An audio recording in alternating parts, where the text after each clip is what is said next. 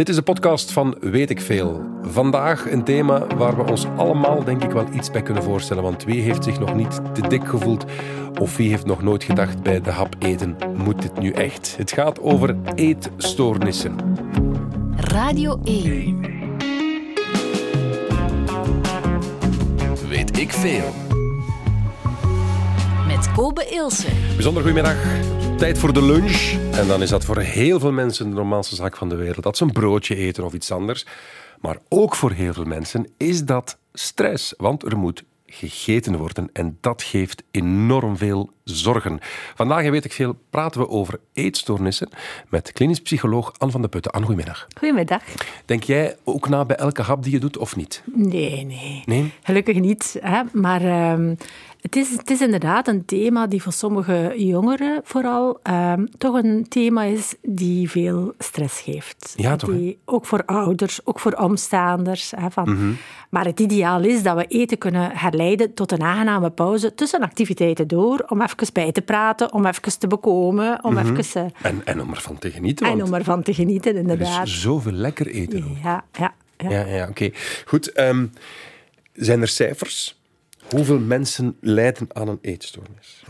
Ja, weet je, dat is eigenlijk een moeilijk iets. Um, omdat heel, we weten dat slechts een derde van de mensen die lijden aan een eetstoornis hulp zoeken. Ja. Dus dat is weinig. En we weten ook uh, na COVID dat één op vijf van de jongeren een beetje haperen met een eten.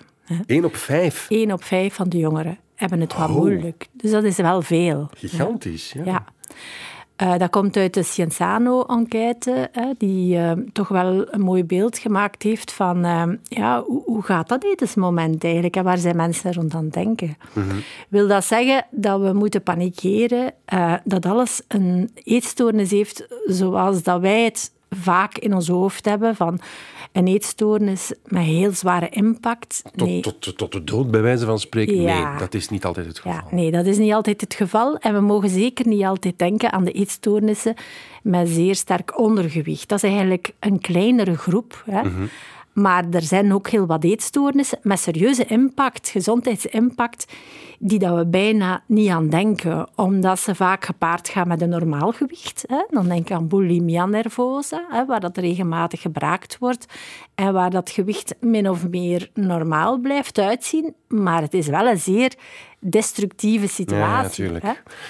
En we gaan er een uur over praten. Ja, mm -hmm. iets minder, want het nieuws heeft veel tijd in beslag genomen.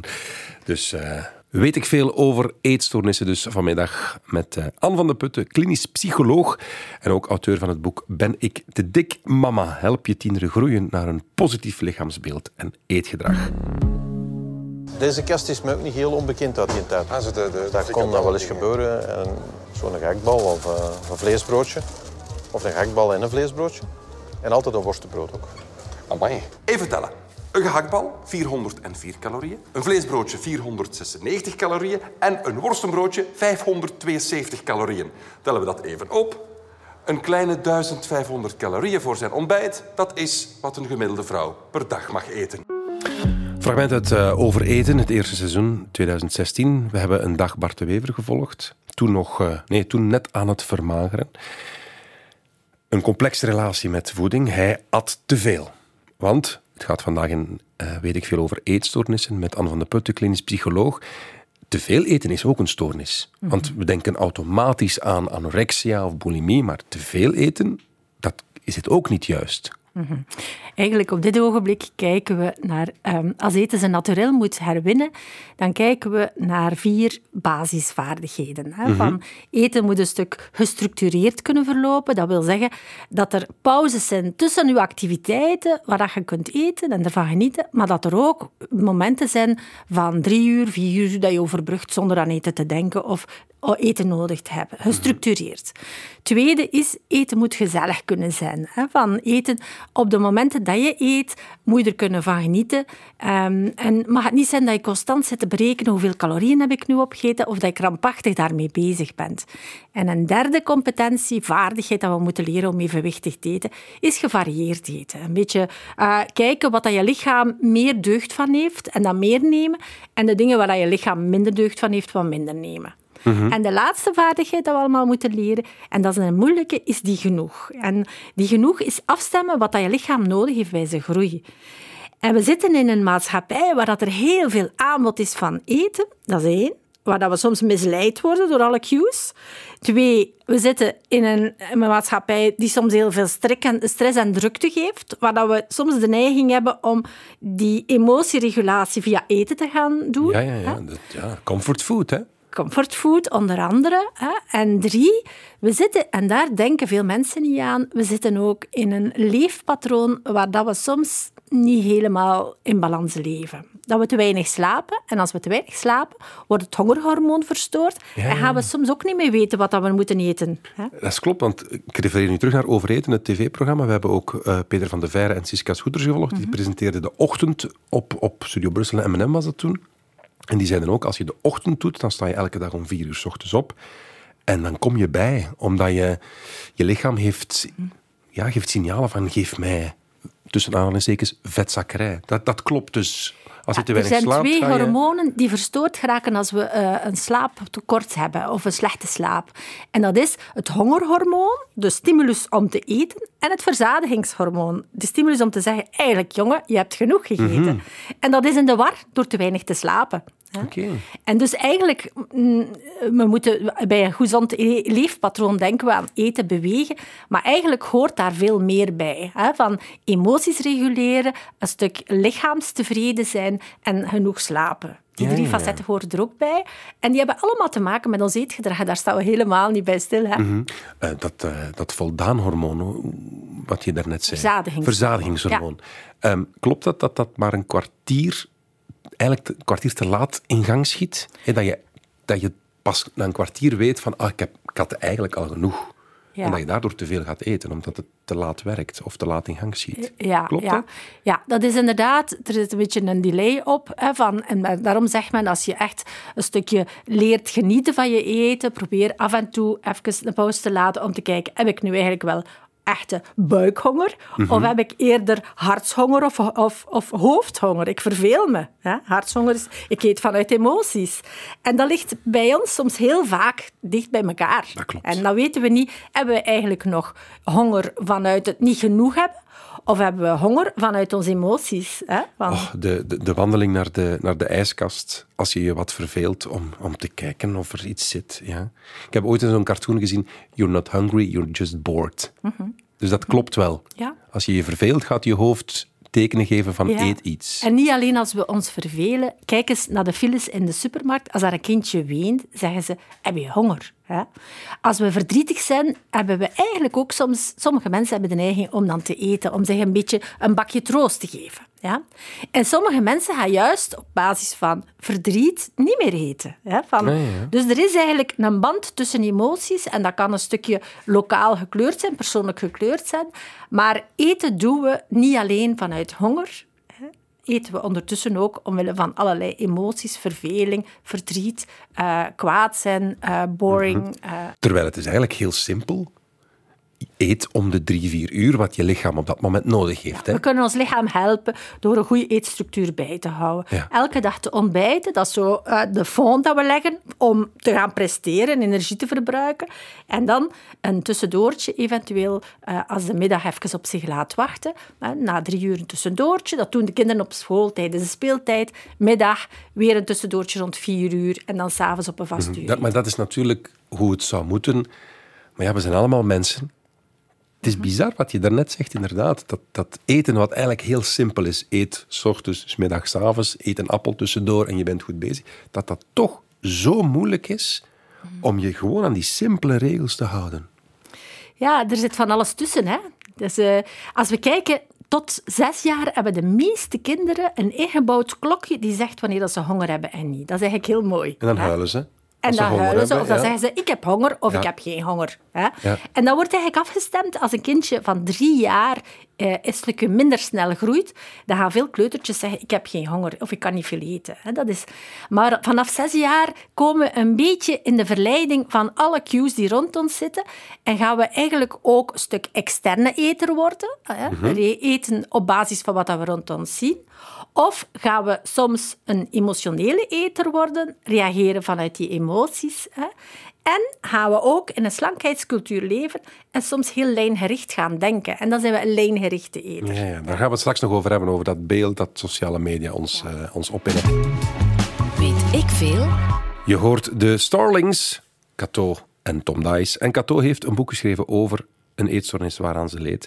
En heeft dit erover gezegd op Radio 2 met Anja Daams. Liefs ik, het staat ook getatoeëerd ergens. Ja. Waar, waar? waar? Ja, op mijn pols. Ah, lief zijn voor, je, voor jezelf. Ja. En heel lief zijn voor jezelf zijn vooral de laatste bladzijden, want er staat nog een checklist in, hè? Ja, klopt. Die nog niet afgewerkt is, heb ik net gehoord. Nee, waar dat jij graag aan wil.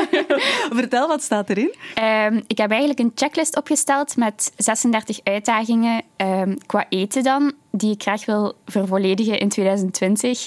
En daar ben ik nu mee bezig. En ik zit aan 28 van de 36. En er zijn er nog geweldige die gaan volgen. Hè? Wat, Ja, wat moet je nog gaan doen? Ehm, pizza van de Pizza Hut, frietjes van de frituur, oliebollen ehm, en ja, die dingen.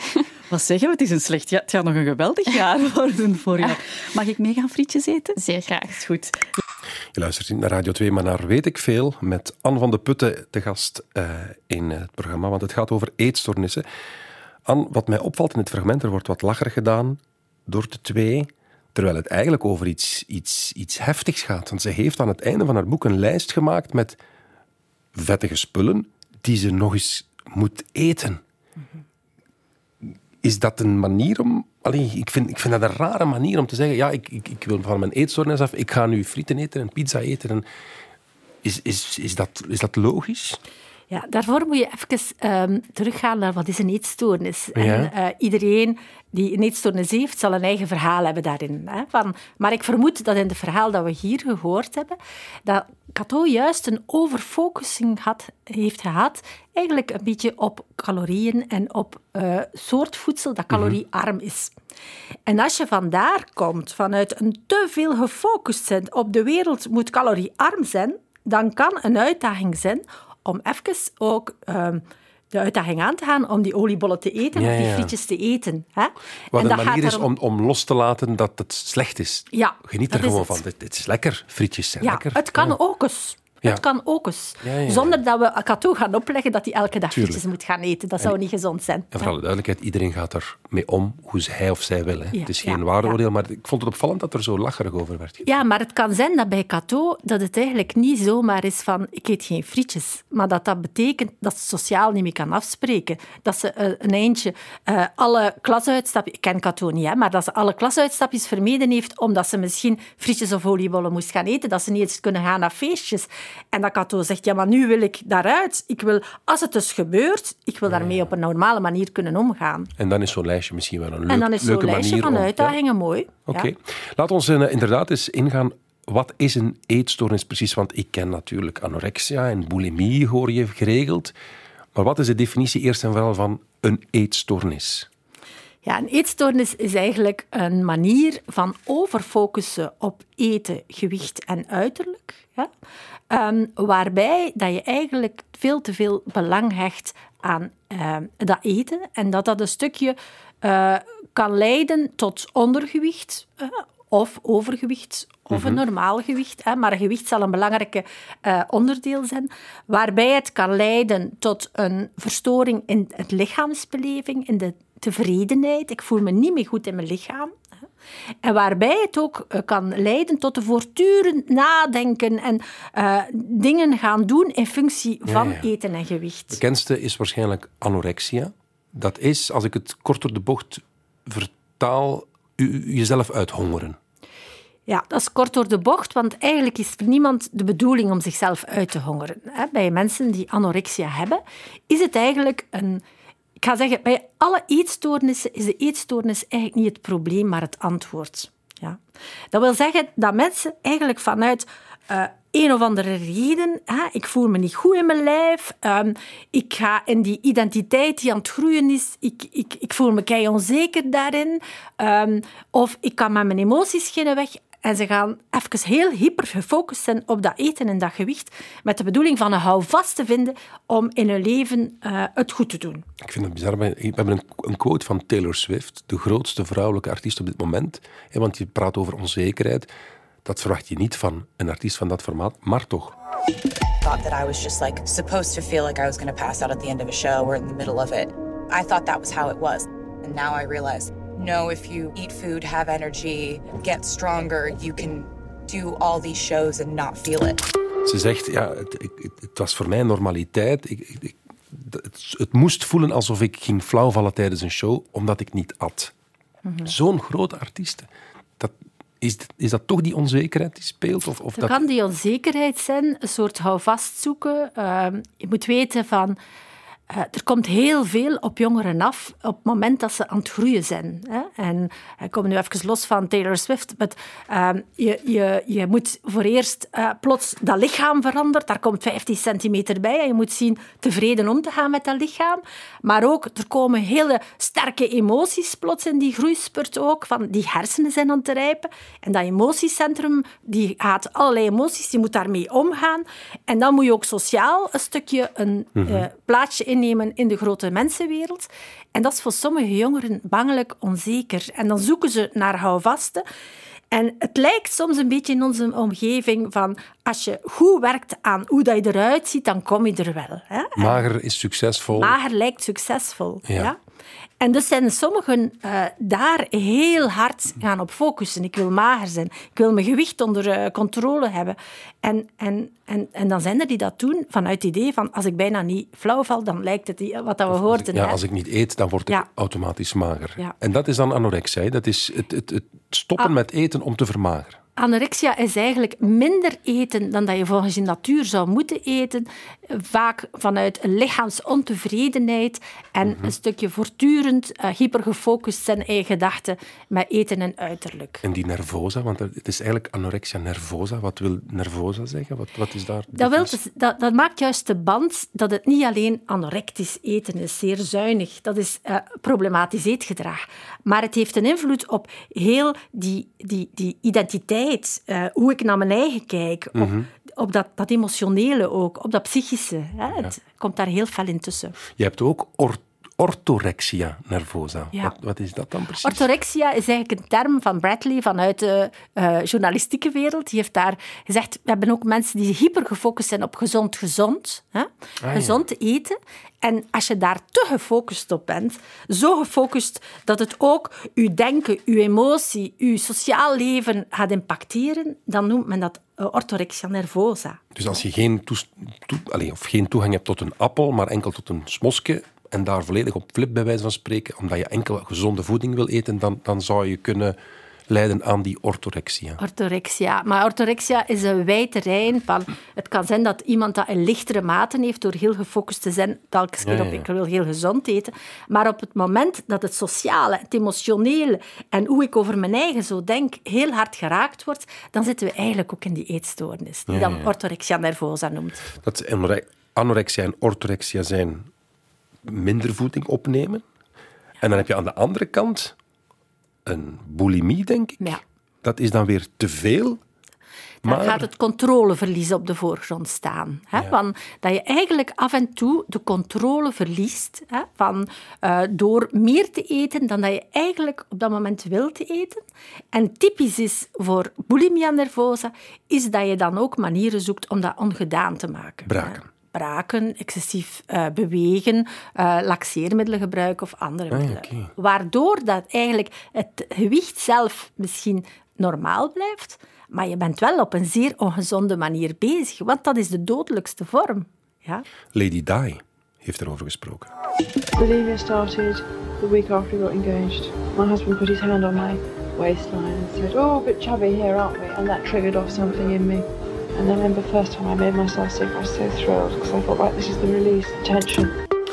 De kwaliteit is niet perfect, waarvoor eh, excuses, maar het is wel interessant wat ze zegt, want het is begonnen omdat Charles haar blijkbaar na de verloving of na het huwelijk zo is in het middel had ge- genepen en gezegd, hmm, een beetje chubby aan het worden. Dat dat, dat dan de trigger was bij, bij prinses Diana om bulimie te ontwikkelen. Is, is dat een herkenbare... Ja, er kunnen allerlei triggers zijn. Van, het is vaak een combinatie. Je moet het weer koppelen aan die groei van meisjes en jongens. Hè, van, waarbij Nee. dat ze heel hard onzeker zijn.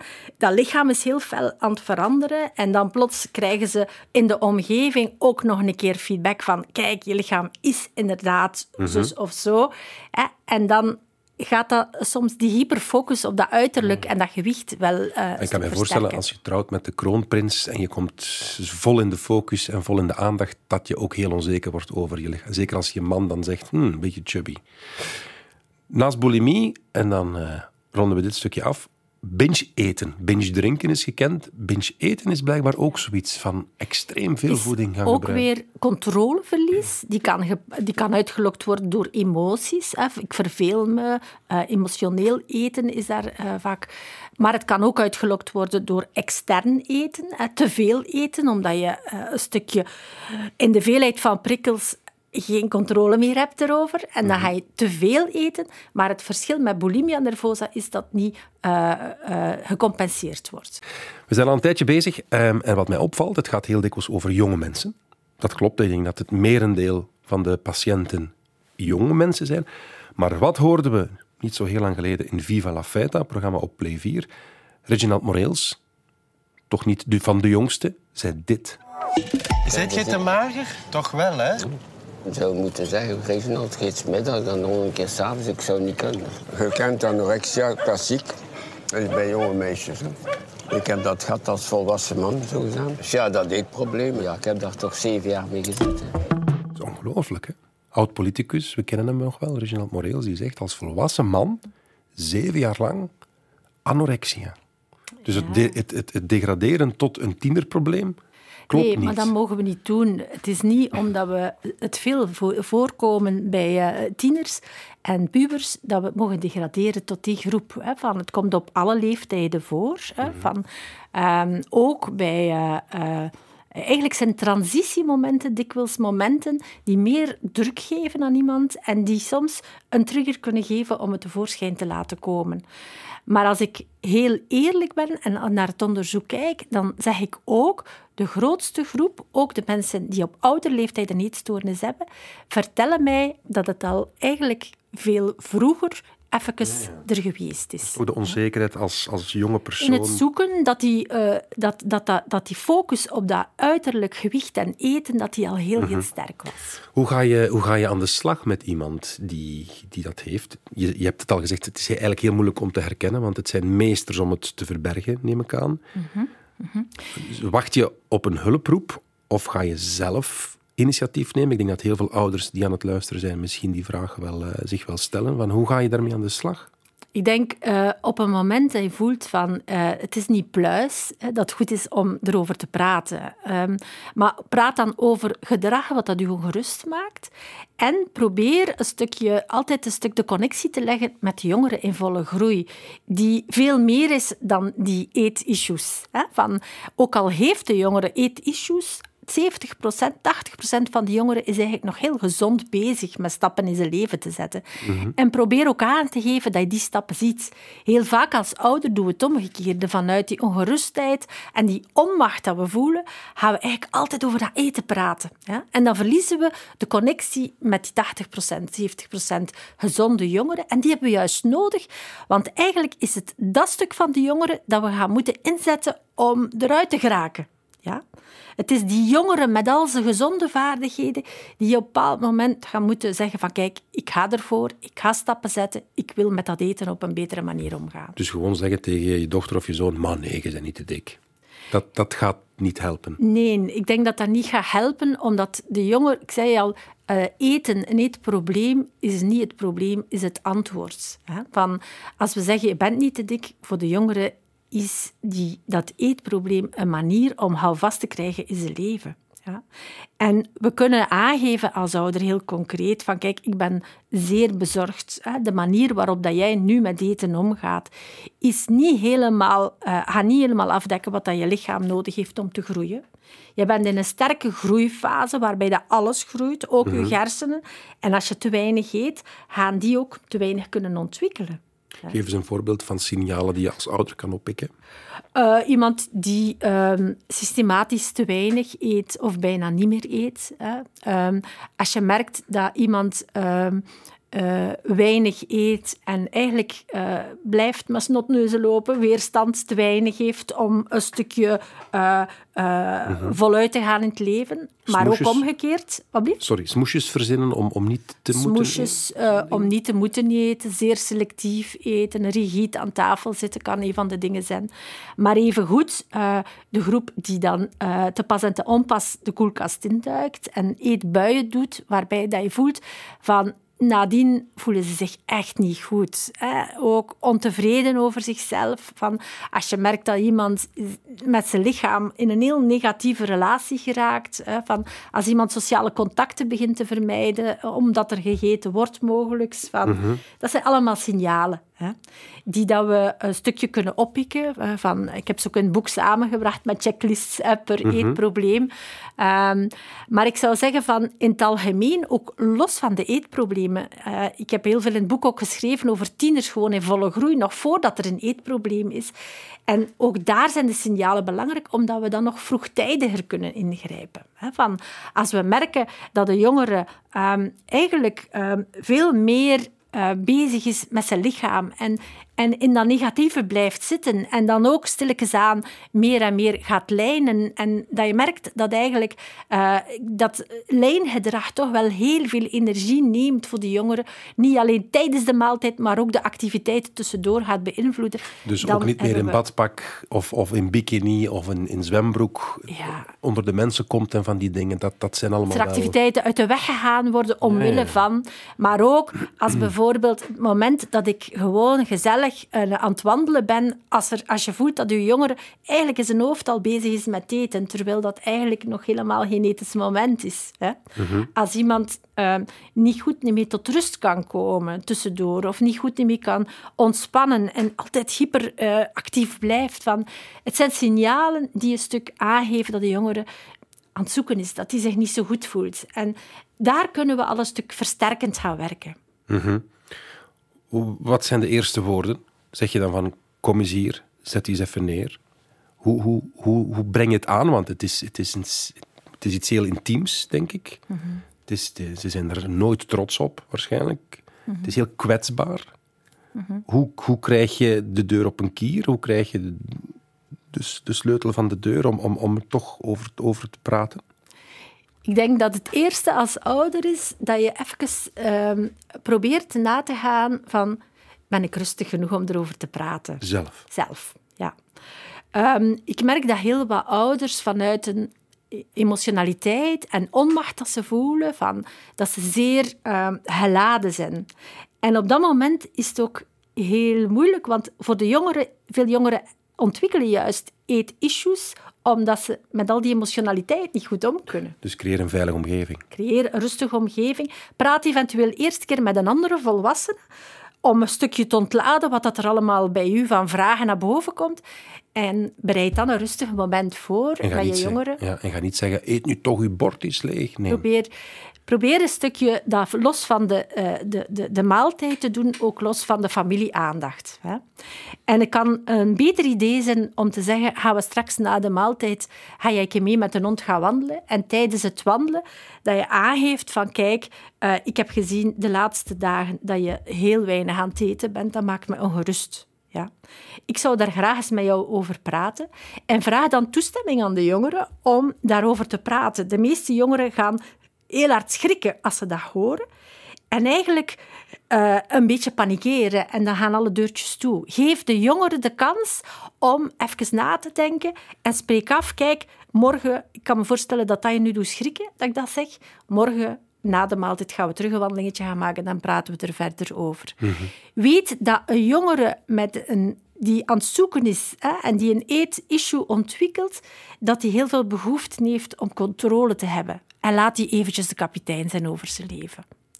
Maar probeer als supporter naast die jongeren mee te lopen en niet alleen rond het eten, maar ook in wat dat de jongere goed doet. Dus niet op zoek naar de snelle oplossing en de snelle remedie. Nee, dat is eigenlijk het grootste probleem bij ouders met de jongere die vastloopt met zijn eten, het tempoverschil. Een, een ouder is actiegericht, dat wil direct een oplossing.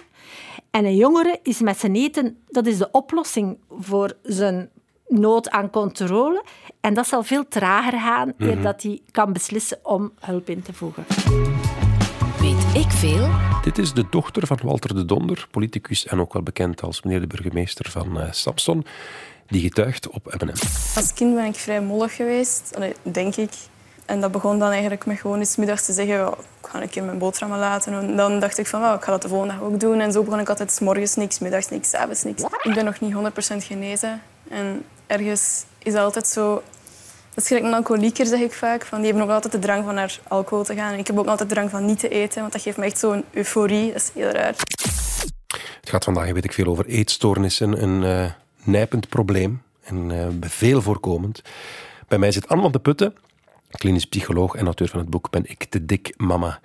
Ehm, herkenbaar dit, Anne? Zijn mensen die ooit een eetstoornis hebben gehad, zoals mensen die ooit een alcoholprobleem hebben, patiënt voor het leven? Of is dit te zwaar? Dat is eh, te zwaar, denk ik. Van, je kunt echt herstellen met een, van een eetprobleem of een eetstoornis, maar het gaat niet van de poes. Dat is niet zo gemakkelijk. Je moet er tijd voor nemen. En het is belangrijk dat je een stuk tijd neemt om ook de uitlopers van de eetstoornis. Hè.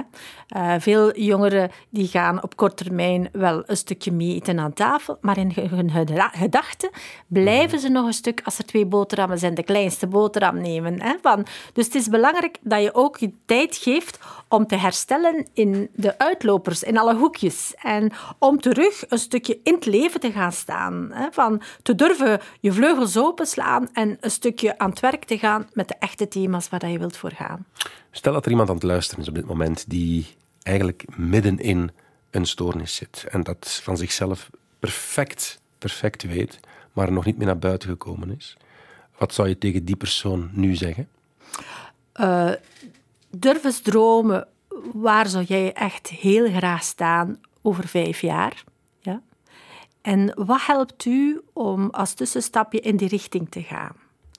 Als het is dat je denkt van, ik zou graag op een andere manier toch met dat eten omgaan, want dat neemt veel te veel eh, van mijn leven af. Ja. Durf dan een mail sturen, zelfs eh, anoniem. Stuur het naar eetexperts.be en we gaan jou anoniem helpen om in je buurt een adresje te vinden van een expert waar dat je eenmalig naartoe kunt. Om even als proef te gaan je Mhm. vragen op tafel leggen en te kijken van wat zou er voor mij een mogelijke oplossing zijn. En dan beslis je nog waar dat je naartoe wilt. Het, er bestaat hulp Er bestaat voor wat hulp. er is. En er bestaat hulp in iedere regio van Vlaanderen. Mhm. En wat zeg je tegen mensen die graadmager zijn en in de spiegel een dik persoon zien? Want dat is ook zo'n cliché dat leeft, dat je altijd toch dat ene vetrandje nog ziet. Ja, ehm, Want dat is iets waar we denk ik we allemaal mee struggelen. Hè? Dat zelfbeeld, dat eigen lichaam. Ja, dat is, dat is iets wat dat zeer begrijpelijk is. Hè? Ehm, en waar dat tijd voor moet komen om het, eh, eh, hetgene wat je zelf als een stukje een, een focus genomen hebt van ik kijk en ik ga heel fel naar dat uiterlijk kijken om dat een stukje te verbreden en te gaan kijken naar eh, wie ben ik in mijn leven en, en, en, en Mhm. al die andere facetten te zien. Die overfocus op gewicht en uiterlijk, dat is, dat is het antwoord, een oplossing voor een probleem, maar we kunnen eraan werken, zodanig dat die focus niet meer doet en dat, dat we eigenlijk een stukje terug het leven in al zijn facetten kunnen gaan zien. Ja, van jezelf houden zoals je bent. Het is een ongelooflijk bond zonder naam, cliché, maar klopt. En ik, ik merk zelf ook, want ik ben schermgezicht, dus je, krijg, je wordt ook afgerekend op je uiterlijk. En dat naarmate je ouder wordt, dat je wel leert leven met het de dingen die je minder aangenaam vindt. Dus tijd, tijd zorgt ook wel voor een soort... Tijd en ook een stuk de focus. Men pleit ervoor van probeer als overgang veel meer te gaan kijken naar de functionaliteit van je lichaam. Waar brengt je lichaam je allemaal naartoe? Als je kijkt waar je voeten en je heupen je allemaal naartoe brengen, van, dan ga je wel iets neutraler naar die heupen kijken dan dat je anders doet als je alleen vanuit de uh, outside kijkt ja. naar het esthetische ervan. Om af te ronden, sociale media zijn de grote demonen in, in dit verhaal? Sociale de, uh, het zijn geen demonen. Uh, we moeten er leren mee omgaan. Ik denk dat sociale media leuke dingen kunnen doen, maar heel vaak gaan we er onvoorbereid mee om. En vallen we een beetje te prooi aan uh, heel veel extern vergelijken, uh, bodychecking. Uh, en worden we er een stuk on, ontevredener over. Als je en, Instagram opensmijt en, en je ziet de mooiste mensen met de prachtigste lijven op, Ja. de, op de mooiste locaties, Ja, dan denk je wel eens, mm, ik ga dit uh, smoske kaas aan mij laten voorbij gaan. ja. We zijn op dit ogenblik vanuit ons kenniscentrum iets aan het ontwikkelen, ook voor ouders, om jongeren te ondersteunen daarbij. Want we kunnen ze leren omgaan op een andere manier met sociale media. Van, we zien nu al in onderzoek, als je een stukje eh, tevredener bent over het functioneren van je lichaam, ga je zelfs bij heel veel sociale media gebruik erop, gaat dat minder hard binnenkomen. En ga je eigenlijk minder in, die, in die ontevredenheid komen. En daar is het om ons te doen. Mhm. Mag ik u danken voor dit uur eh, Met plezier. over eetstoornissen? En eh, aan de mensen die zich herkennen in dit verhaal, goede moed. En alles komt goed. Nee? Zeker. Dank u wel, Anne. Dank u wel. Dit was de podcast van Weet ik Veel, maar er is nog zoveel meer aan bod. Je vindt alles terug op VRT Max. Weet ik veel?